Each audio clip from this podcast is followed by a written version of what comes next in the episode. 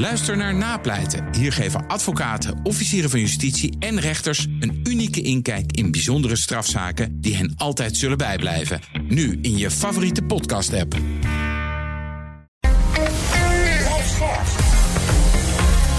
BNR Nieuwsradio. The Big Five. Diana Matroos. Machtsspelletjes op de werkvloer. Ze zijn natuurlijk van alle tijden. Maar de laatste tijd kwamen er wel heel veel excessen naar buiten. Waarbij scheve machtsverhoudingen tot grensoverschrijdend gedrag leiden. Hoe komt dat nou? Hoe ontstaat een giftige bedrijfscultuur? Hoe zorg je voor macht en tegenmacht in je bedrijf? En hoe creëer je uiteindelijk die cultuur waarin iedereen zich veilig voelt? Dat wil ik weten. En daarom spreek ik deze week met vijf kopstukken in BNR's Big Five van macht op de werkvloer. Vandaag doe ik dat met Jeroen Smit. Hij is financieel eh, journalist. En vanuit die rol bevraagt hij al ruim 30 jaar kritische wijze topbestuurders uit het bedrijfsleven. En daarbij volgden ook bekende boeken. Jullie hebben ze vast ook allemaal uh, gelezen.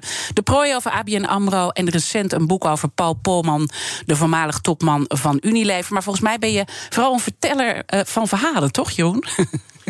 Ja, nou ja, ik vind het de plicht van een journalist om uh, uh, natuurlijk aan waarheidsvinding te doen in de eerste plaats. Hè, dus de feiten te laten spreken. Maar vervolgens die feiten wel zo op een rij te zetten dat het uh, een verhaal wordt wat mensen willen lezen en horen. Voordat ik het met je ga hebben over wat jij denkt dat nu de belangrijkste dossiers ook zijn in de boardroom en hoe zich dat ook verhoudt tot macht, wil ik eerst twee dingen van je weten. Allereerst, want macht, dat klinkt ook zo. Ja, we hebben het over. Hoe tastbaar is het? Hoe tastbaar, dat is een. Um... Kijk, misschien. Wat mij fascineert aan macht al heel lang dus. Uh, ik heb ooit bedrijfskunde gestudeerd.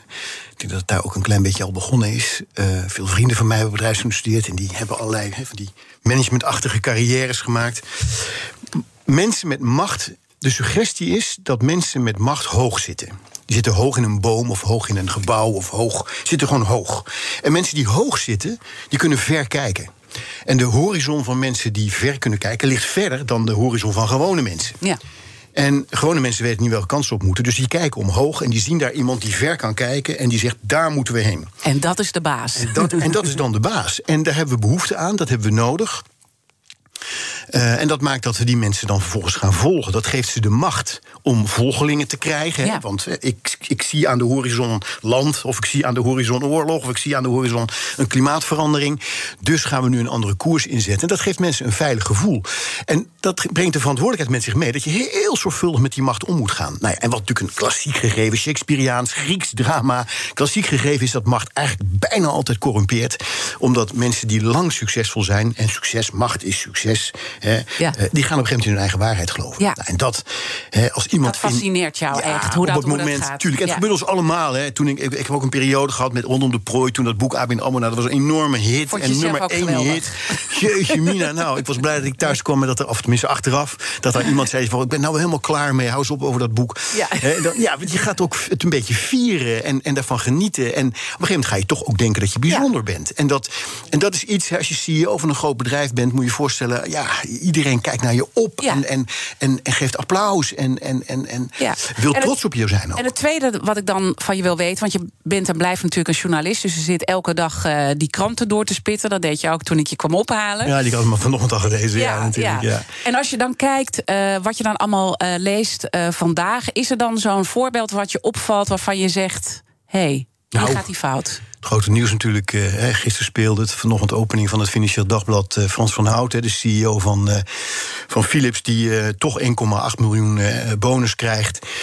gebaseerd op toekomstige omzetten, wat natuurlijk een onzinnige redenering is. En iedereen is er ontzettend boos over.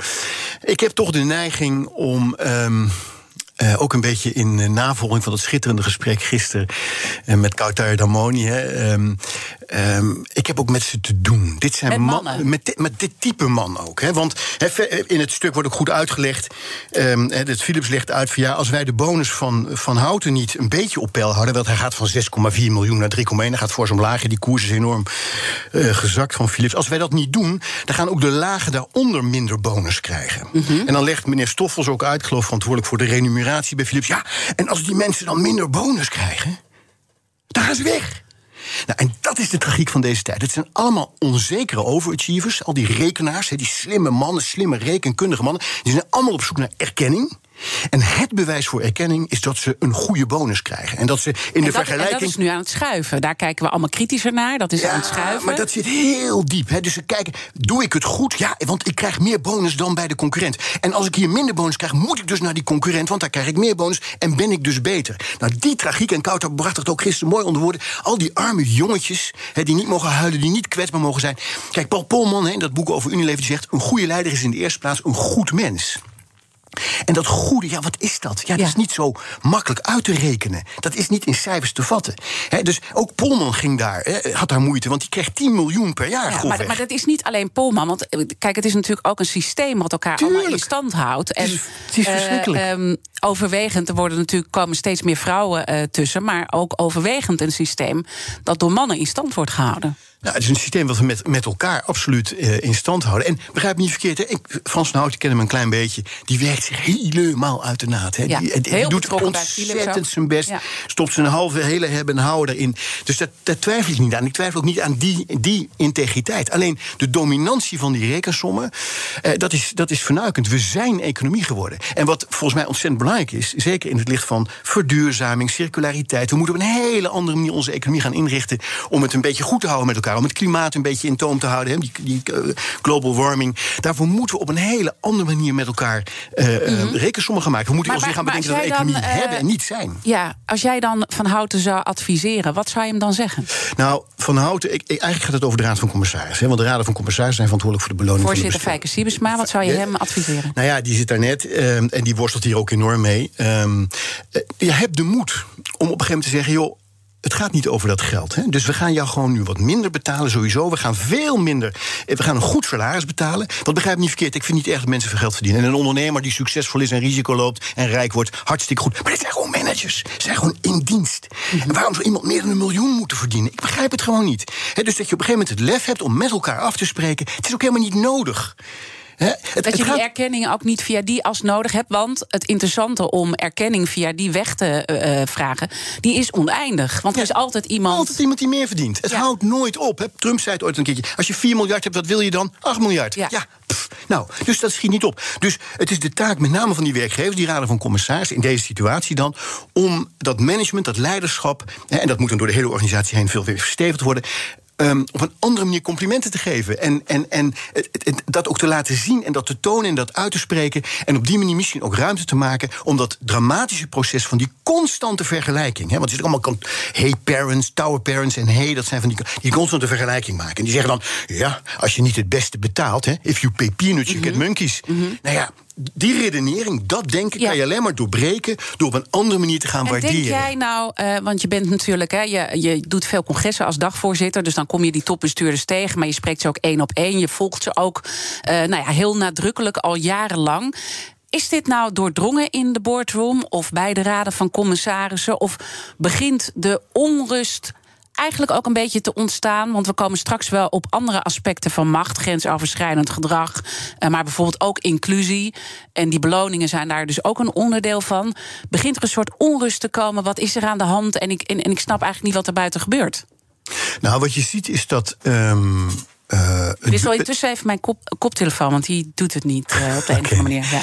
Uh, wat, wat je ziet is dat langzaam maar zeker duidelijk wordt dat we. Um, uh, zoals we onze economie nu hebben ingericht, dat is eigenlijk een lineaire leugen. Hè? Dat is, dat is het, het, het lineaire denken. Hè? We moeten de grootste worden, we moeten nog verder groeien, meer, hè? want dan kunnen we innoveren. Dat, de, de lineaire leugen, uh, het, wordt, het wordt steeds duidelijker dat we daarmee in de problemen komen. Als het gaat over klimaat, als het gaat over biodiversiteit, als het gaat over het, verschil tussen arm en rijk.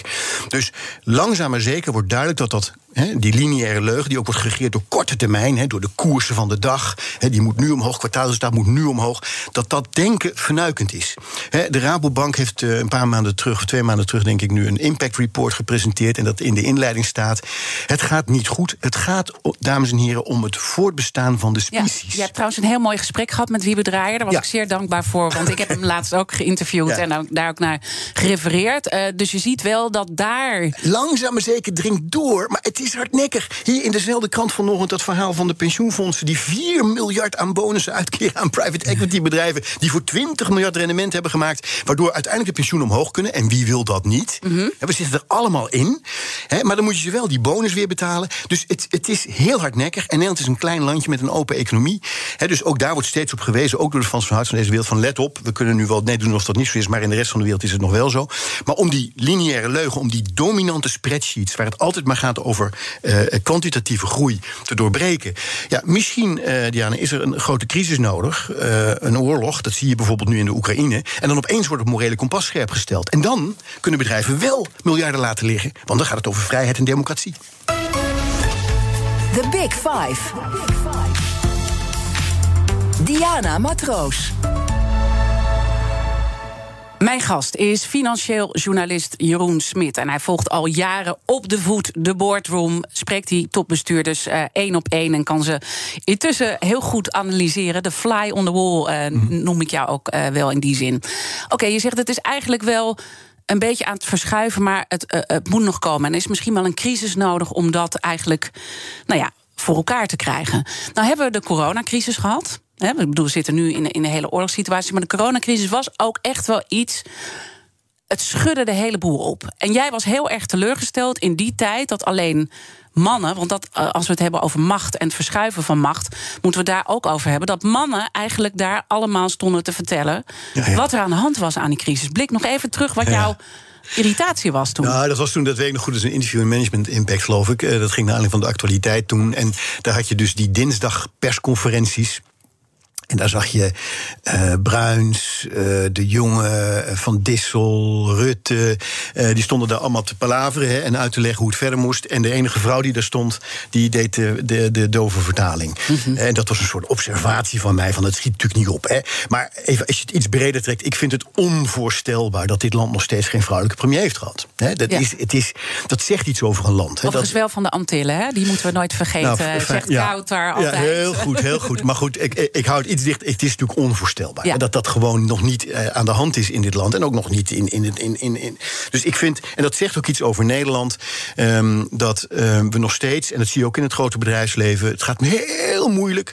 He, er komen al twintig jaar meer vrouwen van universiteiten en hogescholen dan mannen. En met betere resultaten. En deze week was in het nieuws dat voor het eerst in de geschiedenis er meer vrouwen gepromoveerd zijn aan universiteiten. Ik geloof 2600 of zo mm -hmm. dan mannen. En dus het zijn allemaal ontwikkelingen die wel gaande ja. zijn. Maar als je kijkt naar de top van het bedrijfsleven.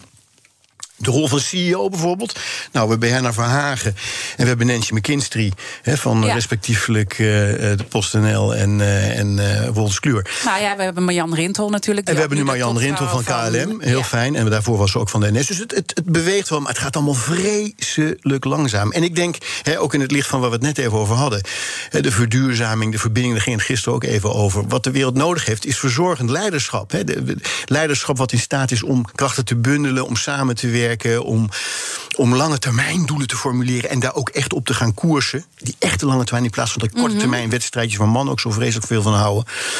Uh, dus het is ontzettend nodig dat dat vrouwelijk leiderschap, hè, en feminien noem ik het liever, omdat het ook in heel veel mannen zit. Dat is belangrijk. Ja, dat, hè? dat zei dat Koud daar ook. Van die, die, die mannen moeten ook eigenlijk dat feminien ja, uit de leiderschap... kast komen, zei ze letterlijk. Ja, sla een arm om die mannen, zei ze. Vond het zo mooi. Ja. Dat is echt waar.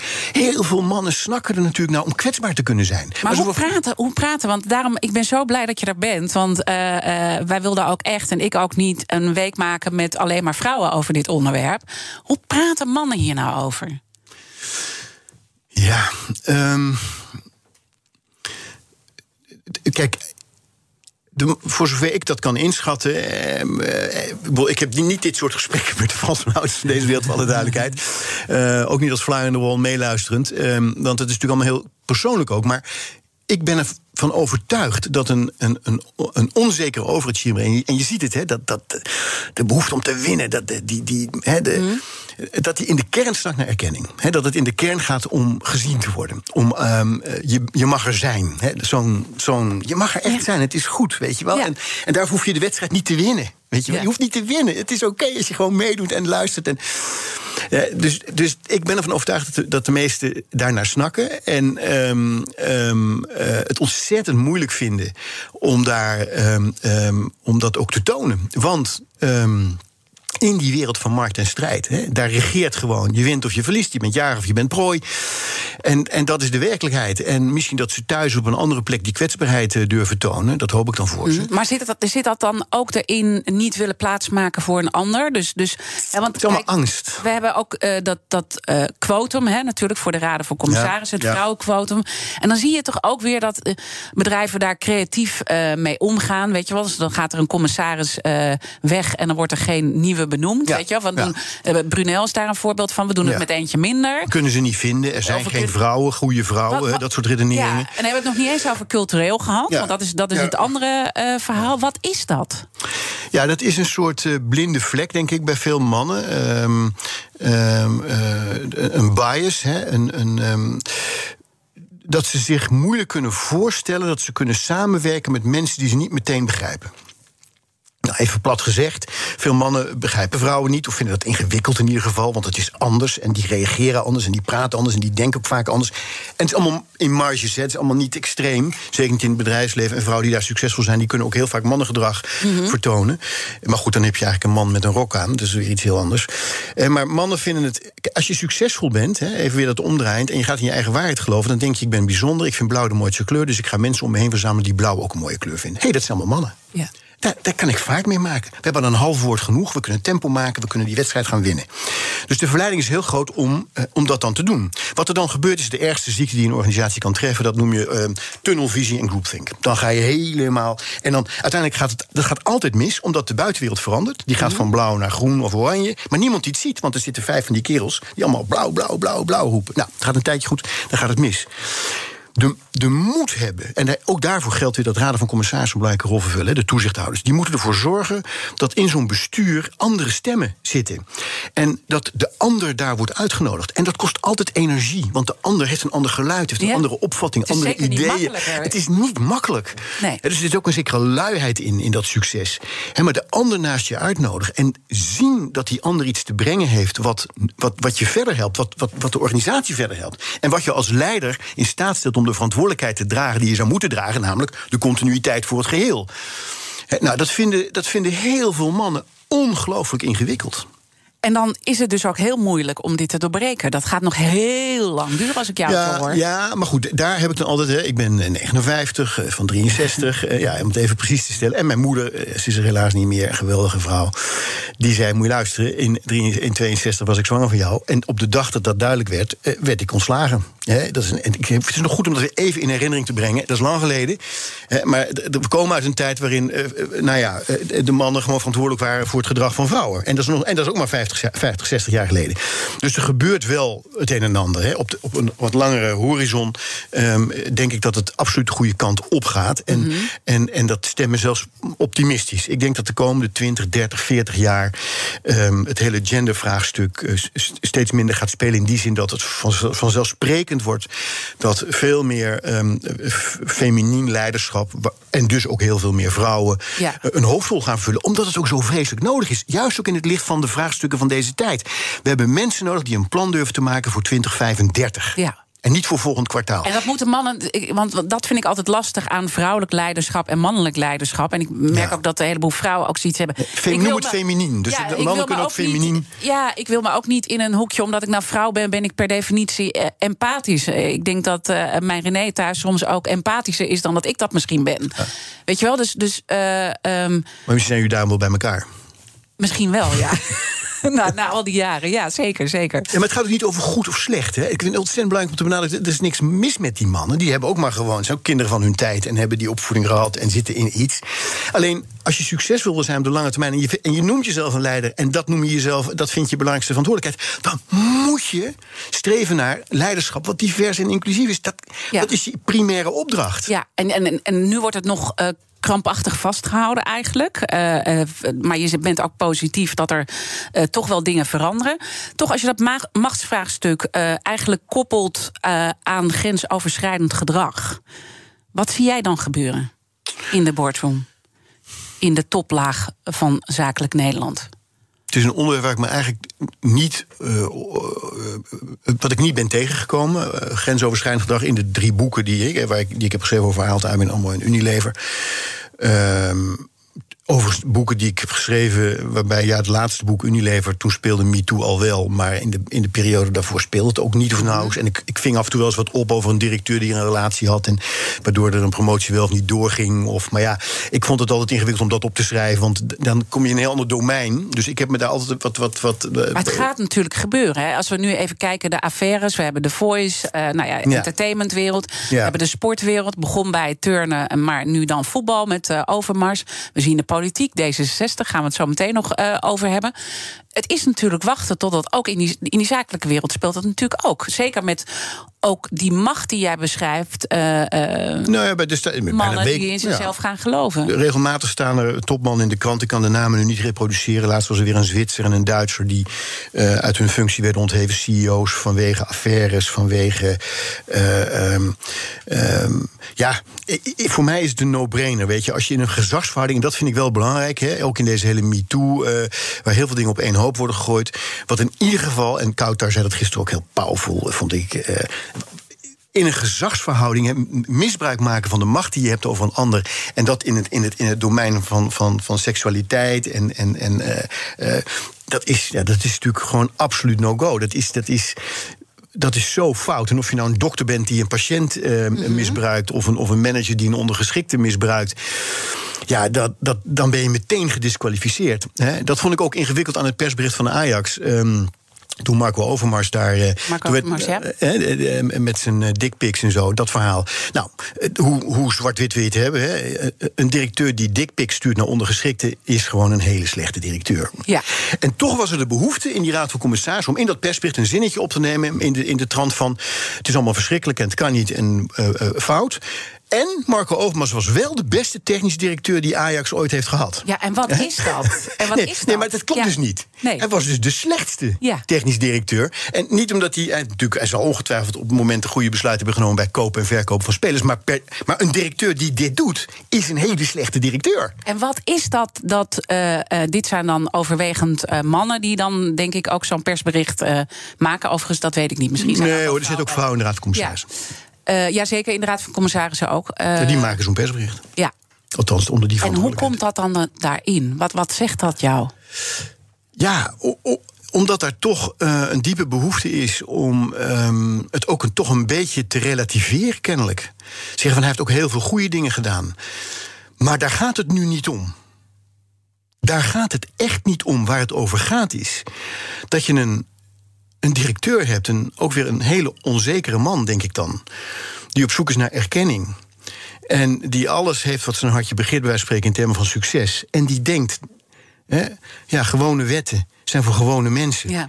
Ja. En uh, ik kan dat doen. Ja. Nou, en Laat... dan ben je zo ver weg. Ja, laten we even dat, die gedachten die je hebt even uh, vasthouden. Want we gaan zo meteen in het tweede deel verder praten. Mijn gast vandaag is financieel journalist Jeroen Smit. Uh, onder andere auteur van De Prooi en Ahold. En dan gaan we over dat nieuw soort leiderschap ook verder praten. Hoe we nou eigenlijk een stap kunnen zetten richting de toekomst. En ook wat de grootste dossiers nu zijn in de boardroom. Tot zo. Ook Thomas van Zeil vind je in de BNR-app. Je kunt live naar mij luisteren in Zaken doen. De BNR-app met breaking news, het laatste zakelijke nieuws... en je vindt er alle BNR-podcasts, bijvoorbeeld Het Nieuwe Geld. Download nu de gratis BNR-app en blijf scherp. Blijf scherp. BNR Nieuwsradio. The Big Five. Diana Matroos. Welkom bij het tweede halfuur. Deze week praat ik met vijf kopstukken uit de wereld van macht. Eerder deze week sprak ik met hoogleraar Marjan Olvers. Ze is commissaris ook bij tal van bedrijven. Maar doet ook onderzoek naar grensoverschrijdend gedrag op de werkvloer. Ook in de zakelijke wereld. En ziet daar ook dat daar al veel zaken spelen. Ben je geïnteresseerd? Dat gesprek is terug te luisteren via onze BNR-app. Mijn gast vandaag is Jeroen Smit. Hij volgt al jaren de top van Nederland. Schreef er meerdere kritische boeken over, zoals De Prooi. Ahold en uh, recent nog een boek over voormalig Unilever-topman Paul Polman. Uh, Jeroen, komend half uur wil ik in ieder geval nog uh, twee onderwerpen met je bespreken. Namelijk de belangrijkste dossiers in de boardroom, waar ze nu van wakker liggen. Ook in relatie tot jouw volgende bijdrage. Hè, want er zal vast weer een keer een boek komen. En nieuwe bestuurscultuur en leiderschap. En laten we met dat laatste beginnen. En dan natuurlijk ook ja. een ander mooi voorbeeld bij de kop pakken. want D66 heeft het ontzettend moeilijk. En met name D66-lijsttrekker Sigrid Kaag. Die natuurlijk uh, ja, campagne heeft gevoerd met de slogan Nieuw Leiderschap. En dat ketst als een boemerang uh, terug in de zaak van Frans van Dibbelen, ja, ja. Drimmelen, de partijprominent. Hoe kijk jij naar die hele affaire? Ja, um, nou. Sigrid Kaag heeft het natuurlijk al van meet af aan moeilijk. Hè? Omdat ze een vrouw is en omdat ze zich uitspreekt. Omdat ze nu minister van Financiën is. Het is ongelooflijk wat die aan, aan, aan, aan boze reacties, ook in social media, heeft ze ook wel eens over verteld. Hè, dat het niet ophoudt. Hè? Dat, dat diepe wantrouwen van heel veel mannen die, zich, die het gewoon niet kunnen geloven dat een vrouw daarin iets roept of iets vindt of iets kan. Ja. Hè, dus dat is, dat, is, dat is één. En ik ben een fan van Kaag, Sigrid Kaag. Ik denk dus dat we moeten ook een beetje zo naar je antwoorden luisteren. Nou ja, dat zeg ik er maar even bij. Want Ja, ik vind, ik, het, het, is een, het, is een, het, is een, eh, het is een enorme uphill battle waar ze mee bezig is. En ik denk dat ze daar natuurlijk een punt heeft. Hè. Ze wil naar een open bestuurscultuur, minder achterkamertjes. Eh, ehm, eh, maar eh, de media, het werkt ook helemaal heel simpel. Het zijn allemaal dagkoersen in de politiek, in het bedrijfsleven waar we het net over hadden. Je roept iets op maandag en als je het op dinsdag niet hebt, eh, als je op dinsdag dan iets doet wat daar haaks op staat, namelijk overleg in het voorjaarsnota, overleg wat er nu speelt. Oh, zie je wel, ze gaan toch weer die achterkamertjes in. Het stelt allemaal niks voor. Ja.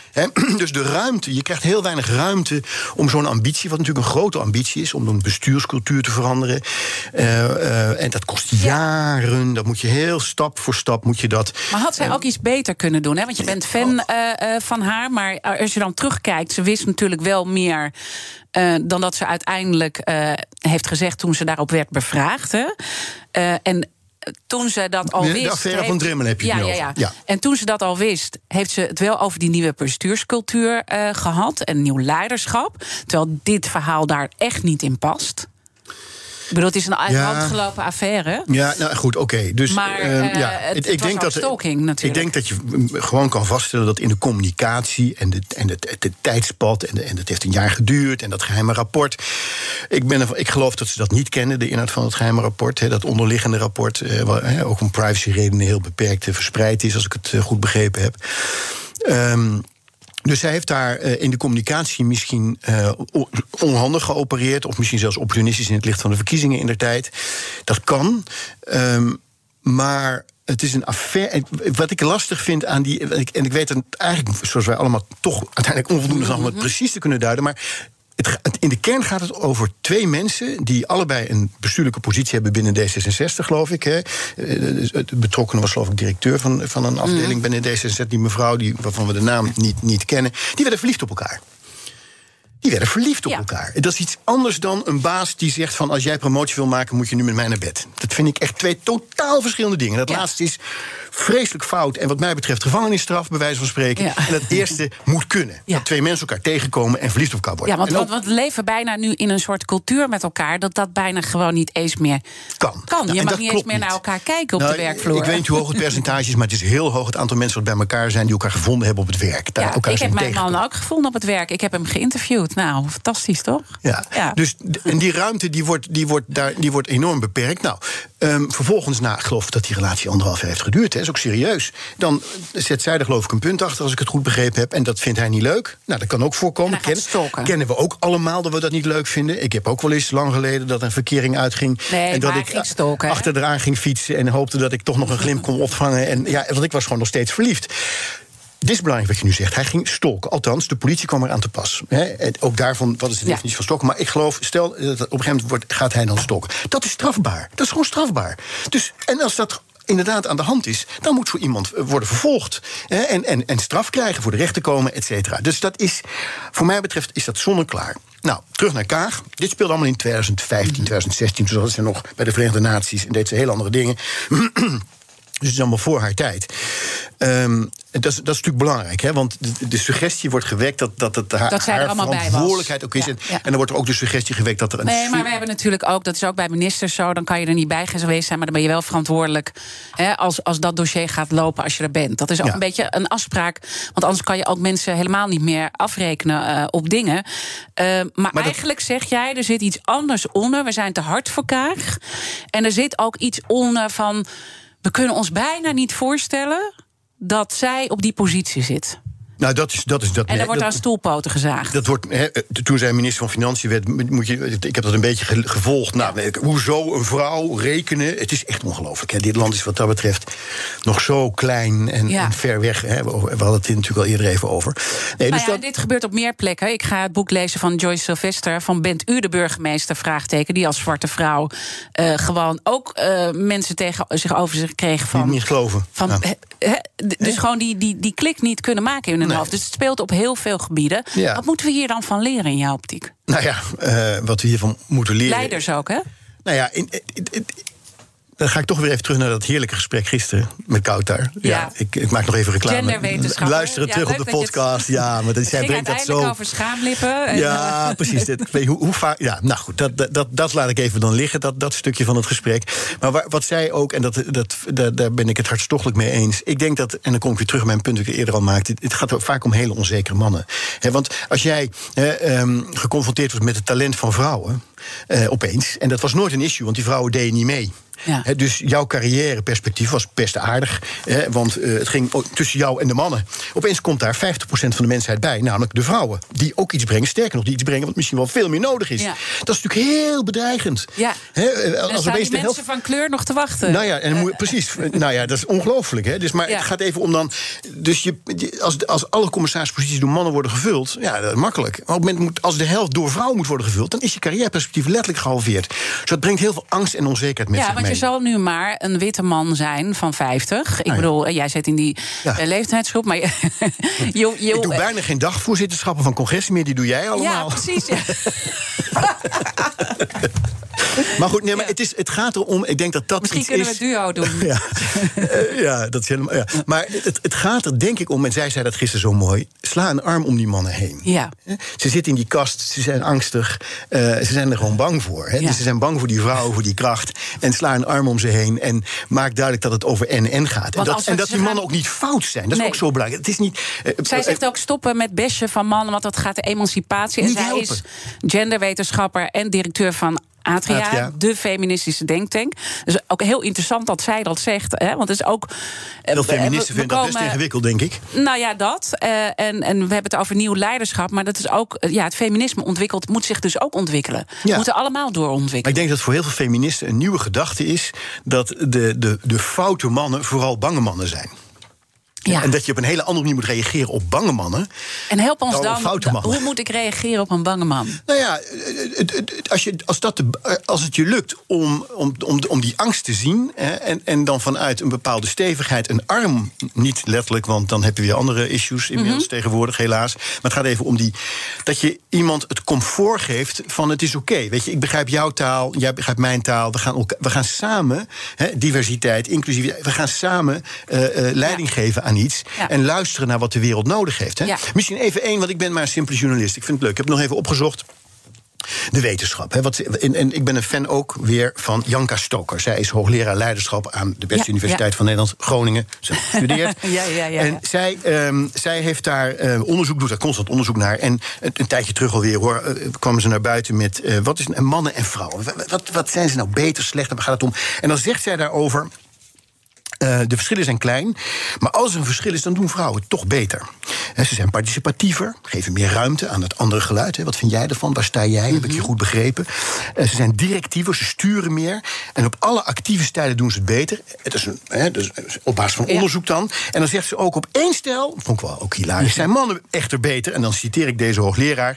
En ze zei het ook met een glimlach om de lippen. Laissez-faire leiderschap. Daar zijn ze goed in. Dat is Frans voor, zei ze toen ook, niks doen. en de ondergeschikte moet het zoveel mogelijk zelf doen. En nu komt het, ik citeer haar nogmaals... we weten dat dit een hele ineffectieve stijl is. Nou, um, zij zegt, het gaat erom, um, een goede leider moet daadkrachtig zijn... en we denken dat mannen dat beter kunnen, masculien. Maar daar staat tegenover dat we steeds meer... en dat vond ik het opwekkende van haar onderzoek... echt steeds meer, en dat vond ze spectaculair... om dat in onderzoek ook bevestigd te zien...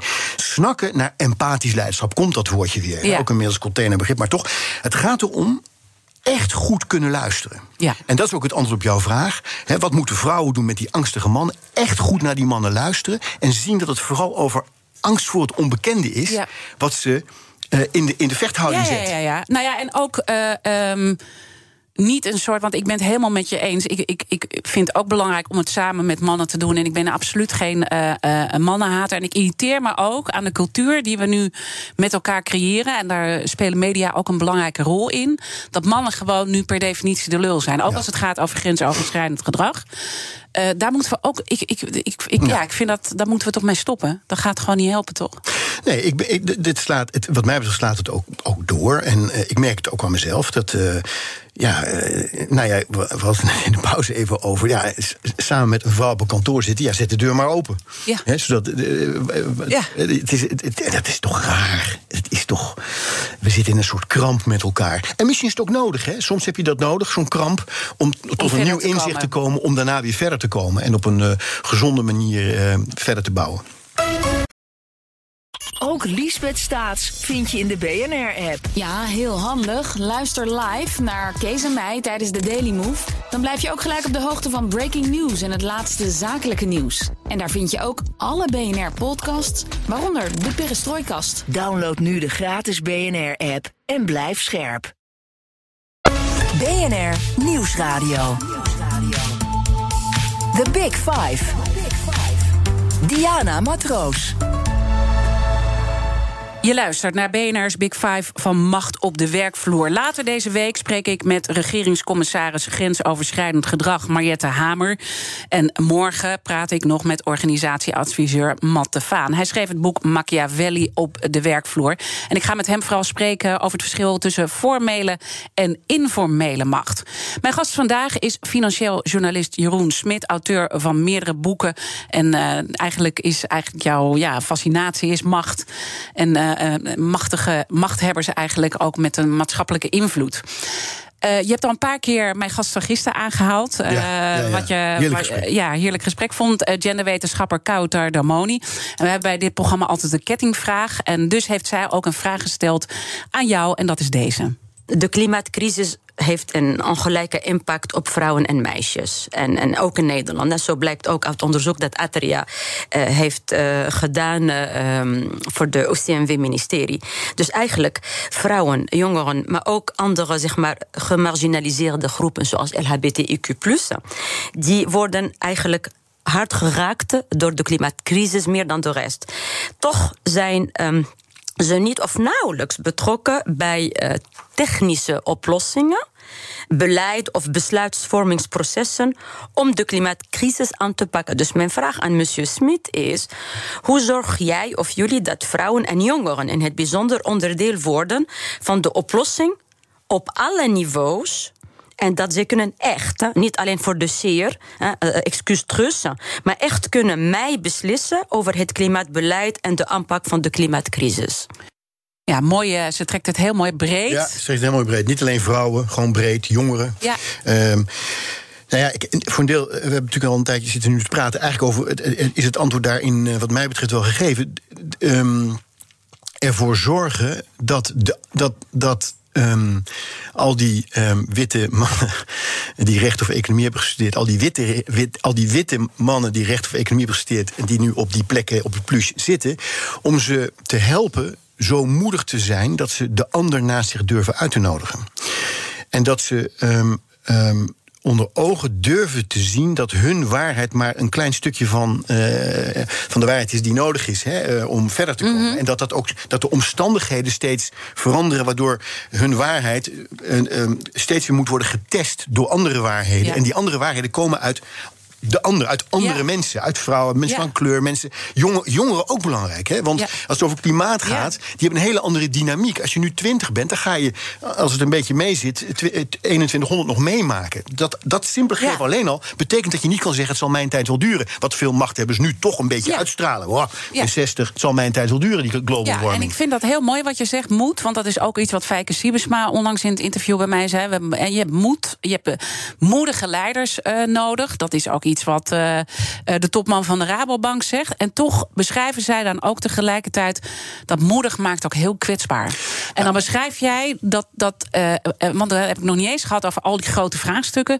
die ze ook nog moeten oplossen. Ja. Want je zal maar nu leider zijn van een groot bedrijf... Ja. Met mega grote vraagstukken, hè, brede welvaart. Ja, ja, het is gigantisch. Het, al, die Ja. lijstjes. de, de, de, Maar ben je nou een leider of niet? Ja.